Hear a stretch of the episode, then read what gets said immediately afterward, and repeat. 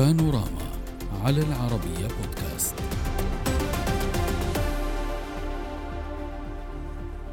بعد عامين من المفاوضات وسبعة أعوام من القطيعة في العاشر من مارس أعلنت السعودية وإيران عن استئناف العلاقات الدبلوماسية بينهما وإعادة فتح سفارتي البلدين وممثلياتهما خلال شهرين برعاية صينية. وصدر بيان ثلاثي مشترك من البلدين ودولة الوساطة أي الصين. اتفق فيه الجانبان على احترام سيادة الدول وعدم التدخل في شؤونها الداخلية وتفعيل اتفاقية التعاون الأمني الموقعة بين السعودية وإيران عام 2001 وأضاف البيان المشترك أن الرياض وطهران تؤكدان على احترام سيادة الدول وعدم التدخل في شؤونها الداخلية. كما اتفق البلدان على أن يعقدا وزيرا الخارجية في البلدين اجتماعا لتفعيل ذلك ولترتيب تبادل السفراء. إلى جانب تفعيل جميع الاتفاقيات المشتركة بين الدولتين ومنها اتفاقية التعاون الأمني واتفاقية التعاون في مجال الاقتصاد والتجارة والاستثمار والتقنية والعلوم والثقافة والرياضة والشباب. وشدد البيان على أن قرار استئناف العلاقات بين البلدين جاء نتيجة استجابة لمبادرة من الرئيس الصيني ورغبة قيادتي البلدين في حل الخلافات من خلال الحوار والدبلوماسية. نناقش هذا الموضوع مع ضيوفنا من القاهرة السفير نبيل فهمي وزير الخارجية سابقا من الرياض جاسر الجاسر الكاتب الصحفي ومن واشنطن الدكتور حسن هاشميان الأكاديمي والباحث في الشأن الإيراني. أهلا بكم ضيوفي الكرام. نذكر بأننا سنتحدث عن هذا الملف عن هذا المسار أو عن هذا التطور الذي أثار الكثير من الجدل في حلقات بانوراما القادمة لكل هذا الأسبوع. وكل يوم سنخ نخصص مجموعة من النقاط كذلك لنناقشها لفهم الحاضر والمستقبل من هذه الخطوة. آه، ضيوفي الكرام اسمحوا لي أن أبدأ من الرياض معك أستاذ جاسر في الواقع. خلينا نأطر الموضوع بما أنه هذا التطور كان ملفت جدا. هذا التطور استوقف كثيرين ومسار يتحدث عنه البعض آه، بإيجابية والبعض الآخر بشيء من الحذر. ولكن عندما نشير إلى أننا فيما قبل شهدنا مسارات أخرى لمحاولة التقارب التجارب آه، ما الذي يختلف هذا المسار عن غيره آه، طبعا يختلف في في عدة نقاط، يختلف اولا إنه تحول جذري في مفهوم التعاطي في المنطقة. يختلف في أنه أول يعني أهم دولتين في المنطقة تتفقان على إطار عام. كان الإشكالية ناشئة في المفاوضات السابقة أعتقد في الجانب الأساسي انه هناك كانت متطلبات سعودية وكان هناك يعني تجاوب إيراني لنقول أو أو ترحيب إيراني بالقيام بهذه المتطلبات أو المستلزمات لكن خط الثقة كان معدوم لم يكن هناك ضمانات لم يكن هناك إمكانية للوصول إلى نتيجة. كان الخيار الوحيد أن تبقى الأمور مطروحة إلى أن تقوم إيران بالإجراءات ثم بعد ذلك تبدأ الخطوات في مسألة استئناف العلاقات أو التعاون المشترك أو تطوير الإجراءات بين البلدين. حينما دخلت الصين كضامن بشكل أساسي رحبت المملكة، رحبت المملكة لعدة أسباب. اولا لنجد أن الموافقة المملكة على إعادة العلاقات أو استئناف العلاقات أو توقيع الاتفاق بهذه السرعة أنا أعتقد أنه خدمة من المملكة لإيران. لو أن المملكة كانت تتربص سوءا بإيران كان اضطرت أو طلبت أو ماطلت أو أجلت عملية الاتفاق إلى فترات أطول لأن المشهد الإيراني في الداخل والخارج مزعج جدا ومحبط للإيرانيين ويوحي بتصاعد سيء قد يؤدي إلى تكرار مشهد عام 79 فهذه هذه الخطوة مجرد موافقة المملكة على إجراء هذه المحادثات بهذه السرعة هذه نقلة نوعية وهذا إشارة لحسن الجوار فعلا وليس آه. يعني اعتباطا. من النقطه الأخرى نجد أيضا أن عملية التفاوض تمت في سرية كاملة. لم أحد يسمع عن وجود وفدين وهذا يعني كانت تدور في دوائر ضيقة جدا وعلى مستويات عالية جدا. هنا تحقق الآن المسألة إنه بالتالي الضامن الفرق في المعادلة إنه الضامن يعني الضامن الأساسي الذي يعطي هذه المصداقية، هذا التقدير من المملكة للرئيس الصيني ولدعم مبادراته وبالتالي كان شرطا أن يكون موقع نعم. الصين موقعة والطاولة كانت مثلثة. هذه ليست مفاوضات ثنائية أؤكد عليها صحيح. كانت مثلثة. مفاوضات هناك. ثلاثة أطراف. وحضرتك ترى أستاذ يعني عامل. صحيح. وحضرتك ترى بأنه حضور الصين هو الملفت في هذا المسار ووصفتها بالضامن. يعني هي وسيط في رتبة ضامن هي حاضرة ومتعهدة بمتابعة هذا المسار. معالي الوزير هل ترى كضيفي بأن وساطة الصين هي التي يمكن أن تمثل الفرق؟ أو أن الحالة عموما يعني هناك جو عام تعيشه المنطقة والعالم في الواقع. آه، هناك متغيرات تفرض نفسها هي التي فرضت مثل هكذا مسار وفرضت مثل هكذا نقطة التقاء على الأقل. سنتحدث فيما بعد عن عن تداعياتها ولكن نقطة التقاء في هذه المرحلة يمكن البناء عليها. النظام الدولي بأكمله يمر بعاصفة مكتملة. وهناك تحولات جذرية عالميا وإقليميا في الشرق الأوسط. هذه الخطوة خطوة جيدة للغاية هي خطوة أولى.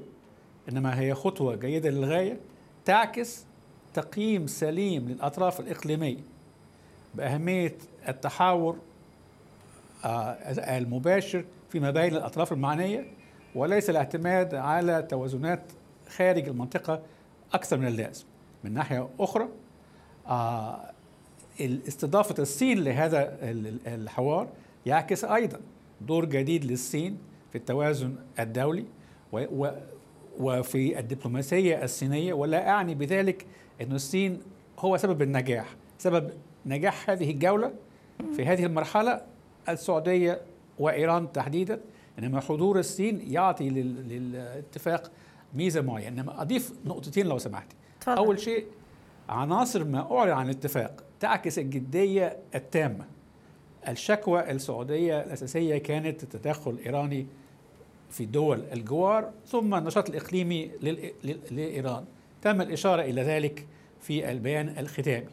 هناك آه، مشاكل خاصة بالأوضاع الأمنية ولذلك تم التركيز على إحياء الاتفاق الأمني بين الدولتين.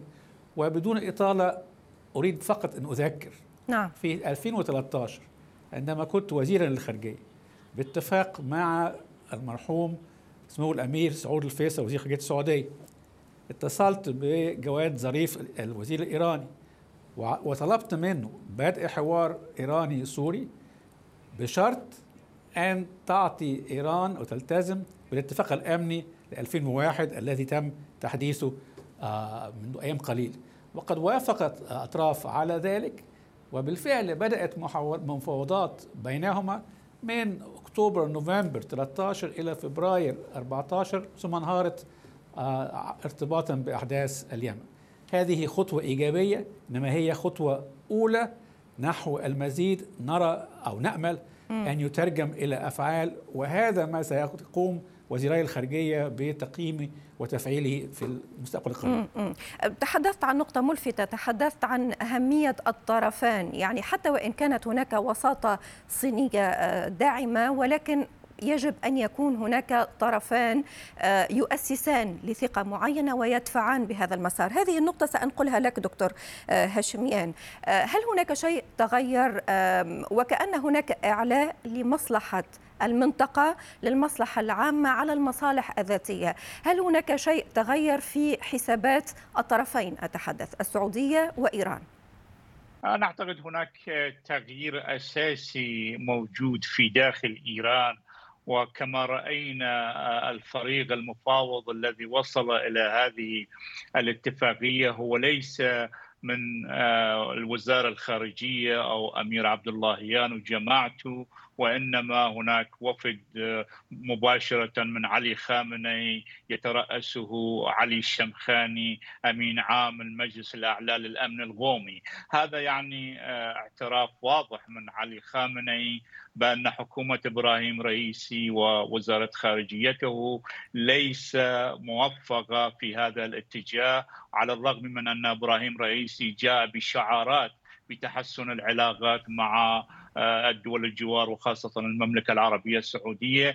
ولكن هناك فريق آخر وهو فريق الغريب إلى حكومة حسن روحاني ومن المعروف بالمجموعة البراغماتية دخلت في هذا الموضوع ووصلت إلى نتيجة وأعتقد أن في الأوضاع الحالية خاصة هناك ثلاث متغيرات موجودة نستطيع أن نقول أن تضغط على النظام الإيراني. اولا الوسيط الصيني المهم والقوي في الساحة الدولية والإقليمية هو الآن الذي يعطي الضمانات وهو الآن الذي يطلب من النظام الإيراني بأن يعيد النظر في علاقاته مع المملكة العربية السعودية خاصة فيما يتعلق بتدخلات النظام الإيراني في المنطقة نعم. هناك محور ثاني ونقطة ثانية تتعلق بالأوضاع الاقتصادية المنهارة في داخل إيران. مثلا اليوم رئيس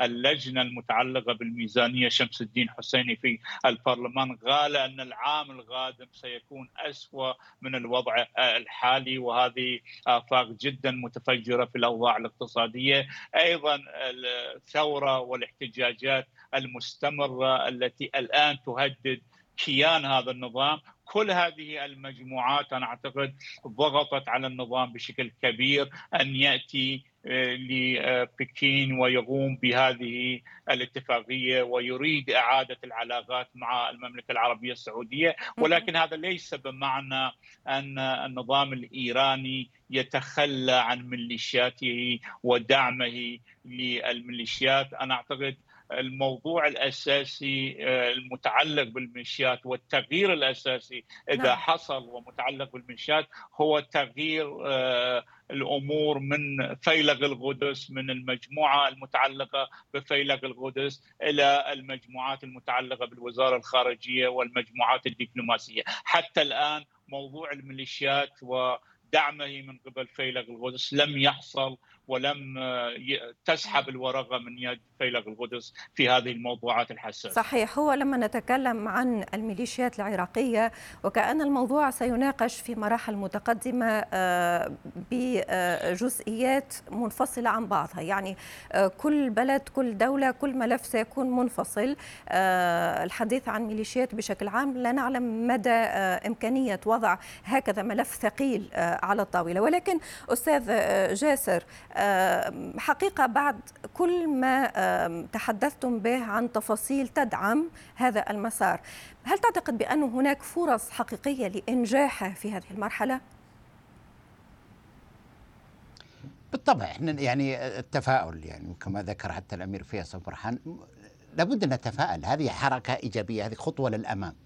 الخطوة دائما أفضل من السكون. وأفضل من آه، يعني عدم الحركة. فبالتالي لو بقيت الأمور معلقه لم يحدث لكن هل تنجح؟ الأمل أنها تنجح. وإذا لم تنجح سنعود إلى النقطة نفسها يعني في الجانب. بالتالي الخيار هناك نافذة شرعت. هناك باب فتح لإيران تحديدا في المنطقة. وعليها أن تدلف منه لتكون شريكا عليها أن تحول أو تغير صبغتها عليها أن تخلع عباءتها الإيديولوجية بالكامل. إذا كانت أنا أعتقد أنه الآن في تفاؤل لأنه في إيران أزمة داخلية حتى بعيدا عن الضغوط الخارجية المتوالية، هناك أزمة داخلية خانقة جدا قد فعلا تعيد مشهد 79 فبالتالي لعل لعل وعسى نقول أن هناك إعادة تفكير في المنظومة في الإيراني في الداخل أنها تعيد ترتيب أولوياتها بما يحقق أن تكون شريكا في المنطقة وليس عبا يعني علاقتنا مع إيران علاقة سيئة. لا نذكر صفحة إيجابية. أتكلم عن النظام الإيراني لا أتكلم عن الشعب الإيراني ولا أتكلم عن الجيرة. أتكلم عن ممارسات النظام الإيراني سيئة. ليس لا, لا يوجد صفحة بيننا وبينهم صراحة خاصة في صفحة إيجابية. لا يوجد صفحة واحدة. من التهديدات من إرسال الخلايا من المخربين في المملكة هذا بشكل مباشر. التدخل التدخلات في المنطقة استخدام الأسلحة جميع العمليات الإرهابية إيواء الإرهابيين كلها. ولذلك هناك في نقطتين ستحدد أنا أعتقد خلال فترة وجيزة المسألة التعاون الأمني. التعاون الأمني أعتقد أنه بدأ من أمس يفترض. يعني إذا كانت لأن هناك النقاط يجب أن تحسم هذه الملفات المتصلة بالعمليات التخريبية بشكل أساسي والعناصر المخربة التي ترسل إيران والعمل على أساسها بحيث تكون هذه واحدة من المسارات التي ستؤدي إلى النقطة الإيجابية في الشهرين. وأيضا تحرك سريع بشكل فاعل وإيجابي في الملف اليمني. صحيح. أن تبعد يدها إيران عن اليمن. حريصون على اليمن. المملكة أحرص على اليمن من إيران. المملكة لا تعادي الحوثي. المملكة تصنف الحوثي مكون يمني. شريطة أن يكون فعلا مكونا يمنيا ولا يكون ذراعا إيرانيا. فهل, فهل ستنجح إيران في هذا الجانب؟ لابد أن نتفائل ولا بد أن نراهن. ولعلها يعني اليوم وهي تكتسب هذا الصدى الإيجابي. اليوم إيران تحصل على صورة جميلة. اليوم صورة إيران مبتسمة.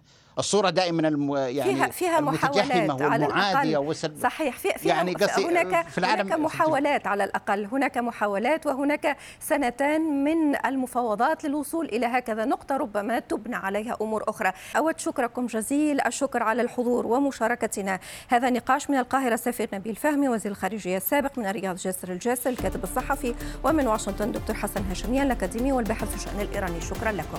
السلام عليكم.